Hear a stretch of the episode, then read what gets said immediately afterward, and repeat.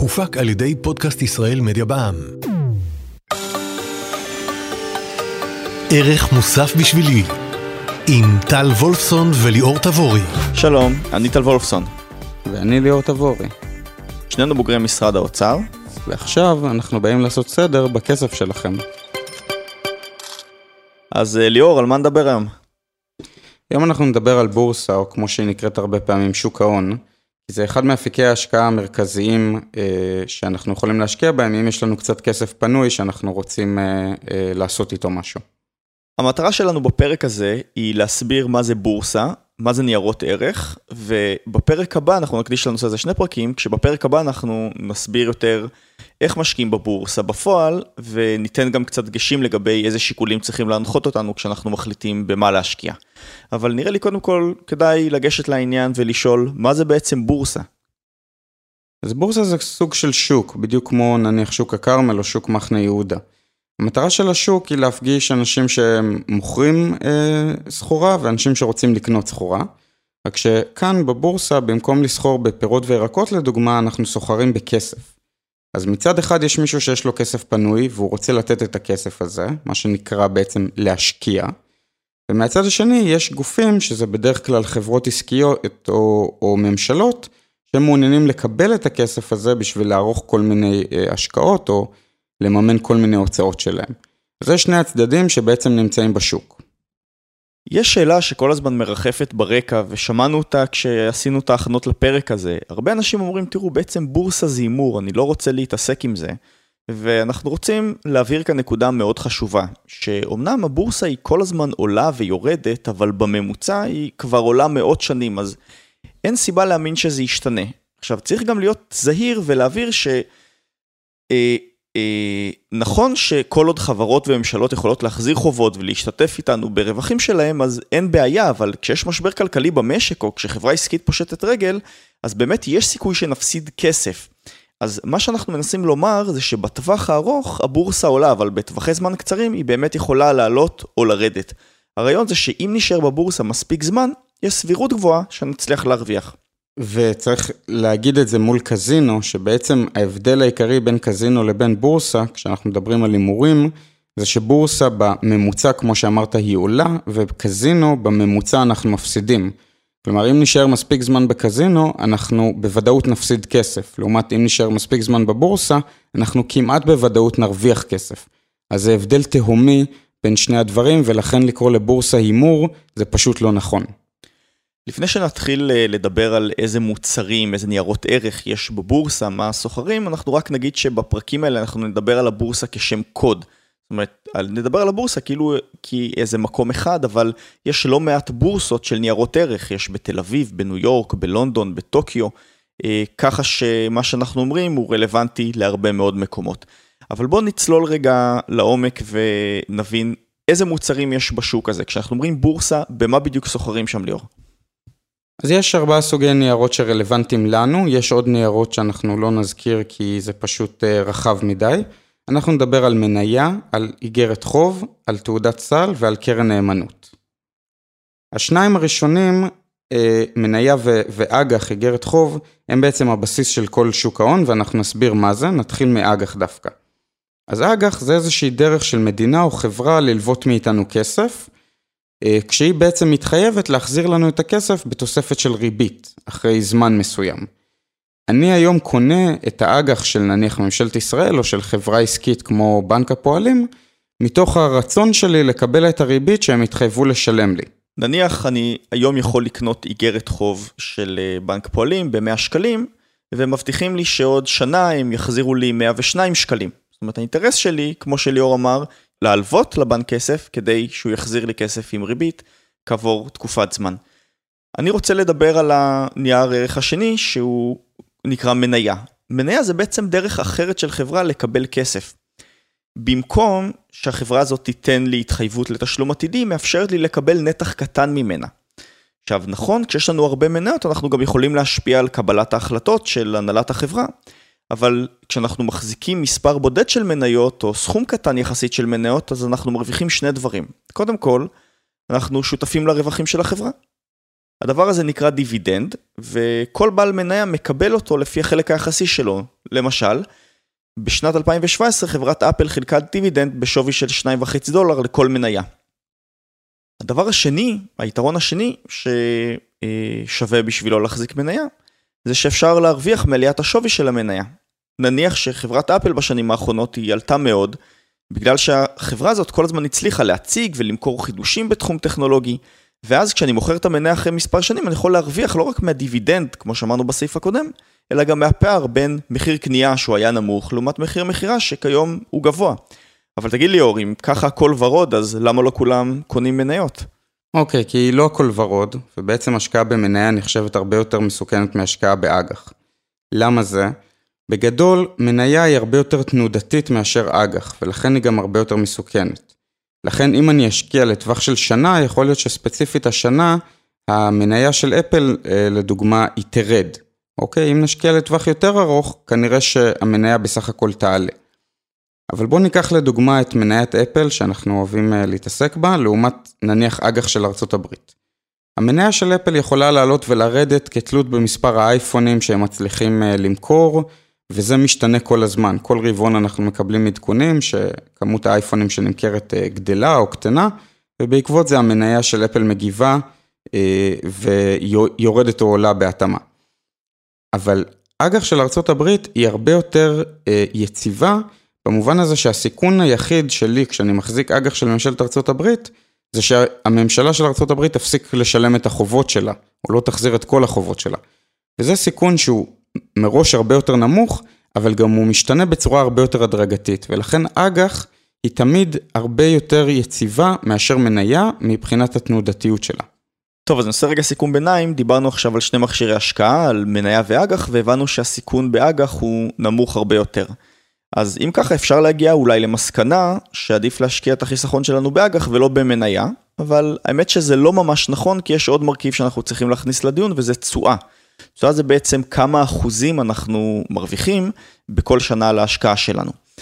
ובאופן כללי בדיון הזה צריך לזכור שהשקעה שהיא מסוכנת יותר היא תיתן לנו תשואה שהיא גבוהה יותר והשקעה שהיא פחות מסוכנת, שהיא יותר סולידית, היא תיתן לנו פחות. למשל, השקעה באג"ח של ארה"ב תיתן לנו ריבית של בערך 2% בשנה, לעומת השקעה במניה של אפל, שיכולה אפילו לתת לנו 10% תשואה בשנה. עכשיו, למה זה קורה? כי כמו שאתה הסברת בסעיף הקודם, ההשקעה בחברת אפל היא הרבה יותר תנודתית, היא הרבה יותר מסוכנת. יכול להיות שעכשיו יהיה משבר כלכלי במשק, ואז סביר להניח שהמניה של אפל ומניות של חברות אחרות ירדו, ואז נפסיד כסף. אבל גם אם יהיה משבר כלכלי, סביר להניח שממשלת ארה"ב עדיין תוכל לשלם לנו את השני אחוזים. זאת אומרת, על הסיכון שאנחנו לוקחים, אנחנו יכולים להרוויח יותר. אוקיי, okay, והקשר הזה בין סיכון ותשואה הולך לא רק בהבדל בין אג"ח לבין מניה, אלא גם בהבדל בין מניה אחת למניה שנייה, או בין אג"ח אחד לאג"ח אחרת. אני רוצה לתת לך דוגמה, למשל, כמו שאמרת, ממשלת ארה"ב משלמת לנו סדר גודל של בערך 2% בשנה, אם אנחנו משקיעים באג"ח שלה. אבל ממשלת יוון, שהיא הרבה יותר מסוכנת מממשלת הברית, כבר משלמת לנו חמישה אחוזים בשנה על השקעה באג"ח שלה. למה זה? כי ממשלת יוון יש סיכוי הרבה יותר גבוה שהיא תגיע למצב שהיא לא תוכל לשלם את החובות שלה. ולכן, כדי שהיא תצליח למשוך משקיעים, היא חייבת להבטיח להם תשואה יותר גבוהה מאשר מה שממשלת הברית אה, מציעה. אם היא הייתה מציעה 2% בדיוק כמו ממשלת הברית, אז למה שאני אסכן את הכסף שלי על אג"ח של ממשלת יוון, שממשלת ארה"ב מוכנה לשלם לי בדיוק את אותה תשואה. בדיוק, זה גם מתקשר למשבר הכלכלי שהיה ביוון לפני כמה שנים, ו... ואז באמת זה העלה את החשש של אנשים שממשלת יוון לא תוכל לפרוע את החובות שלה. אבל בואו נסכם רגע את החלק הזה. יש לנו, דיברנו על מניות, דיברנו על אג"חים, והבנו שההחלטה שלנו אם להשקיע במניות או באג"חים תלויה בסיכון שאנחנו רוצים לקחת על הכסף שלנו ועל התשואה שאנחנו רוצים אה, לכוון, לקבל אותה, ובאמת זה הולך ביחד. יותר סיכון, זה אומר יותר תשואה. אבל לפני שנמשיך ונדבר על סוגים נוספים של ניירות ערך, אני רוצה רגע שנדבר על עיקרון מרכזי בהשקעות שנקרא פיזור סיכונים. תראו, עדיף להסביר את זה עם הדוגמה הבאה. נניח שיש לי 50 אלף שקל פנויים ואני יכול להשקיע את כולם בנייר ערך ספציפי, באג"ח או במניה, נגיד במניה של חברת טבע. במקרה הזה אני לוקח הרבה סיכון, כי אם החברה תצליח, אז אני אצליח בגדול, אבל אם היא תיקלע לקשיים, אני אפסיד די הרבה. אבל אפשרות אחרת, אני יכול לקחת את ה-50 אלף שקלים האלה, ולהשקיע אותם בחמישה ניירות ערך שונים שווה בשווה, עשרת אלפים שקל בכל נייר ערך. ככה אני מגן על עצמי, כי למה זה קורה? הרי כל נייר בנפרד יכול מאוד לעלות או מאוד לרדת, אבל הסיכוי שכל הניירות יעלו ביחד או ירדו ביחד הוא יחסית נמוך. שימו לב שיש כאן גם צד שני, הרי בפרקטיקה הזאת אני גם מקטין מראש את התשואה שאני יכול לקבל. כי אם חברה נגיד אחת תציג ביצועים מאוד מאוד טובים, זה ישפיע רק על חלק מהתיק שלי ולא על כולו. אני חושב שטבע זה דוגמה מאוד טובה, כי באמת בחודשים האחרונים שמענו עליה הרבה בחדשות. מה שקרה, היא נקלעה לקשיים והמניה שלה באמת מאוד ירדה. אבל צריך לשים לב שבאותו זמן שאר החברות במשק לא נקלעו לקשיים והמניות של רוב החברות האלה דווקא עלו. אז אם היינו משקיעים רק בטבע בשנת 2017, הסיכון שלנו, ובמקביל גם הסיכוי שלנו, היו מאוד מאוד גבוהים. אבל אם נשקיע לדוגמה בכל החברות במשק הישראלי, אז הסיכונים והסיכויים שלנו יהיו הרבה יותר נמוכים. והמסקנה פה זה שפיזור סיכונים מאפשר לנו להיות הרבה יותר סולידיים, וזה בעצם מה שמוביל אותנו לשני אה, ניירות הערך הנוספים שיש בבורסה שאנחנו רוצים לדבר עליהם. אז הנייר הראשון, או בעצם השלישי בסדרה שלנו, הוא תעודות סל. תעודות סל זה בעצם סל של הרבה ניירות מסוג מסוים. למשל, 120 החברות הגדולות בבורסה בישראל, או 500 החברות הגדולות בארצות הברית. שלתעודת סל יש שני יתרונות מרכזיים. קודם כל נוחות. זאת אומרת, נגיד ועכשיו שכנענו אתכם שאנחנו, שכדאי לפזר סיכונים. אז במקום ללכת ולרכוש בנפרד 500 מניות של חברות שונות בארצות הברית, אני יכול לרכוש תעודת סל אחת שנקראת S&P 500, שהיא כבר מכילה את כל החברות האלה. עכשיו, כמובן שאנחנו צריכים לשלם קצת לחברות הפיננסיות שיוצרות את המוצר הזה, את התעודת סל, אבל זה באמת חוסך הרבה כאב ראש. היתרון השני של תעודת סל זה כמו שדיברנו, זה הפיזור סיכונים. איזה עוד תעודת סל יש לנו ליאור? א', אני רוצה להגיד שאנחנו באמת משלמים מעט מאוד למי שמייצר את תעודות הסל, אז זה בהחלט כלי השקעה מאוד מאוד מעניין. וב', צריך להבין שתעודות סל יכולות להיות גם על מניות וגם על אגרות חוב.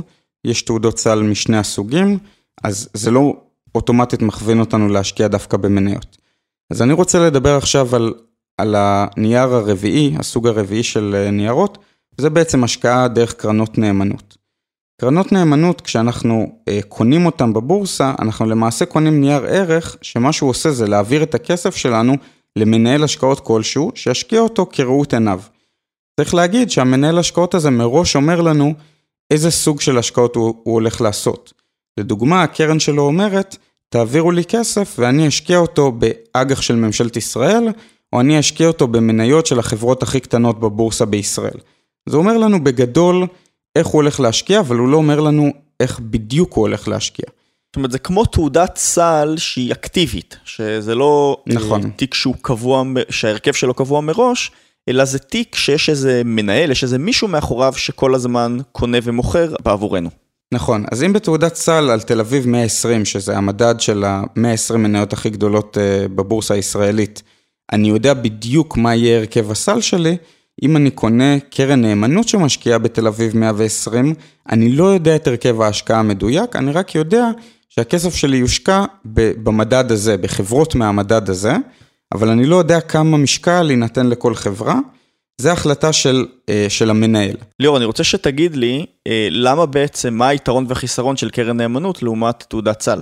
אז היתרון של, של אה, קרן נאמנות זה שלמנהל אמורה להיות איזושהי התמחות, איזשהו ידע, הוא בעצם כל היום עובר על הדיווחים של כל החברות בבורסה הישראלית, והוא מחליט שחברה אחת לדעתו המניה שלה תעלה יותר מאשר מניה של חברה אחרת, ולכן הוא שם את הכסף על המניה הזאת.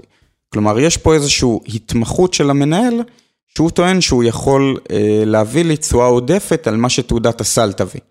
החיסרון זה שתמורת העבודה שלו אני צריך לשלם דמי ניהול, והדמי ניהול האלה פוגעים אה, בתשואה שלנו. אז מה שאנחנו צריכים לשאול את עצמנו זה האם אחרי דמי הניהול הגבוהים יותר, המנהל יצליח להשיג יותר מאשר תעודת הסל או פחות מתעודת הסל. אני רוצה לתת כאן הערה שבאמת ההתמחות של המנהל של אה, קרן הנאמנות זה יתרון שהוא שהרבה פעמים על הנייר. צריך באמת, אם אתם שוקלים לקנות עכשיו קרן נאמנות או להשקיע בקרן נאמנות, אז אתם צריכים לבדוק שבאמת התשואות הן גבוהות יותר, כי יש לא מעט מקרים שהביצועים של תעודות סל הם אפילו טובים יותר אה, משל קרן נאמנות, ואנחנו נדבר על זה בפרק הבא. אז ליאור, בוא תסביר מה למדנו היום. למדנו בעצם שהבורסה היא מקום מפגש של מוכרים וקונים של ניירות ערך, והבנו מהם ארבעת סוגי ניירות הערך המרכזיים שיש בבורסה.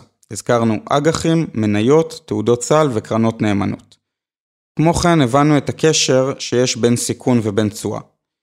בפרק הבא מה שאנחנו נרצה לעשות זה להבין איך פרקטית סוחרים בבורסה, ועל מה צריך לחשוב לצורך השקעה כזאת. ערך מוסף בשבילי, עם טל וולפסון וליאור תבורי. התוכנית מציגה הסבר ומידע כללי בלבד, ואין בה משום ייעוץ מותאם אישית או המלצה ביחס לפעולות כלשהן. מומלץ להתייעץ עם איש מקצוע מוסמך לפני ביצוע פעולות על סמך המידע המובא בתוכנית. הופק על ידי פודקאסט ישראל מדיה בע"מ.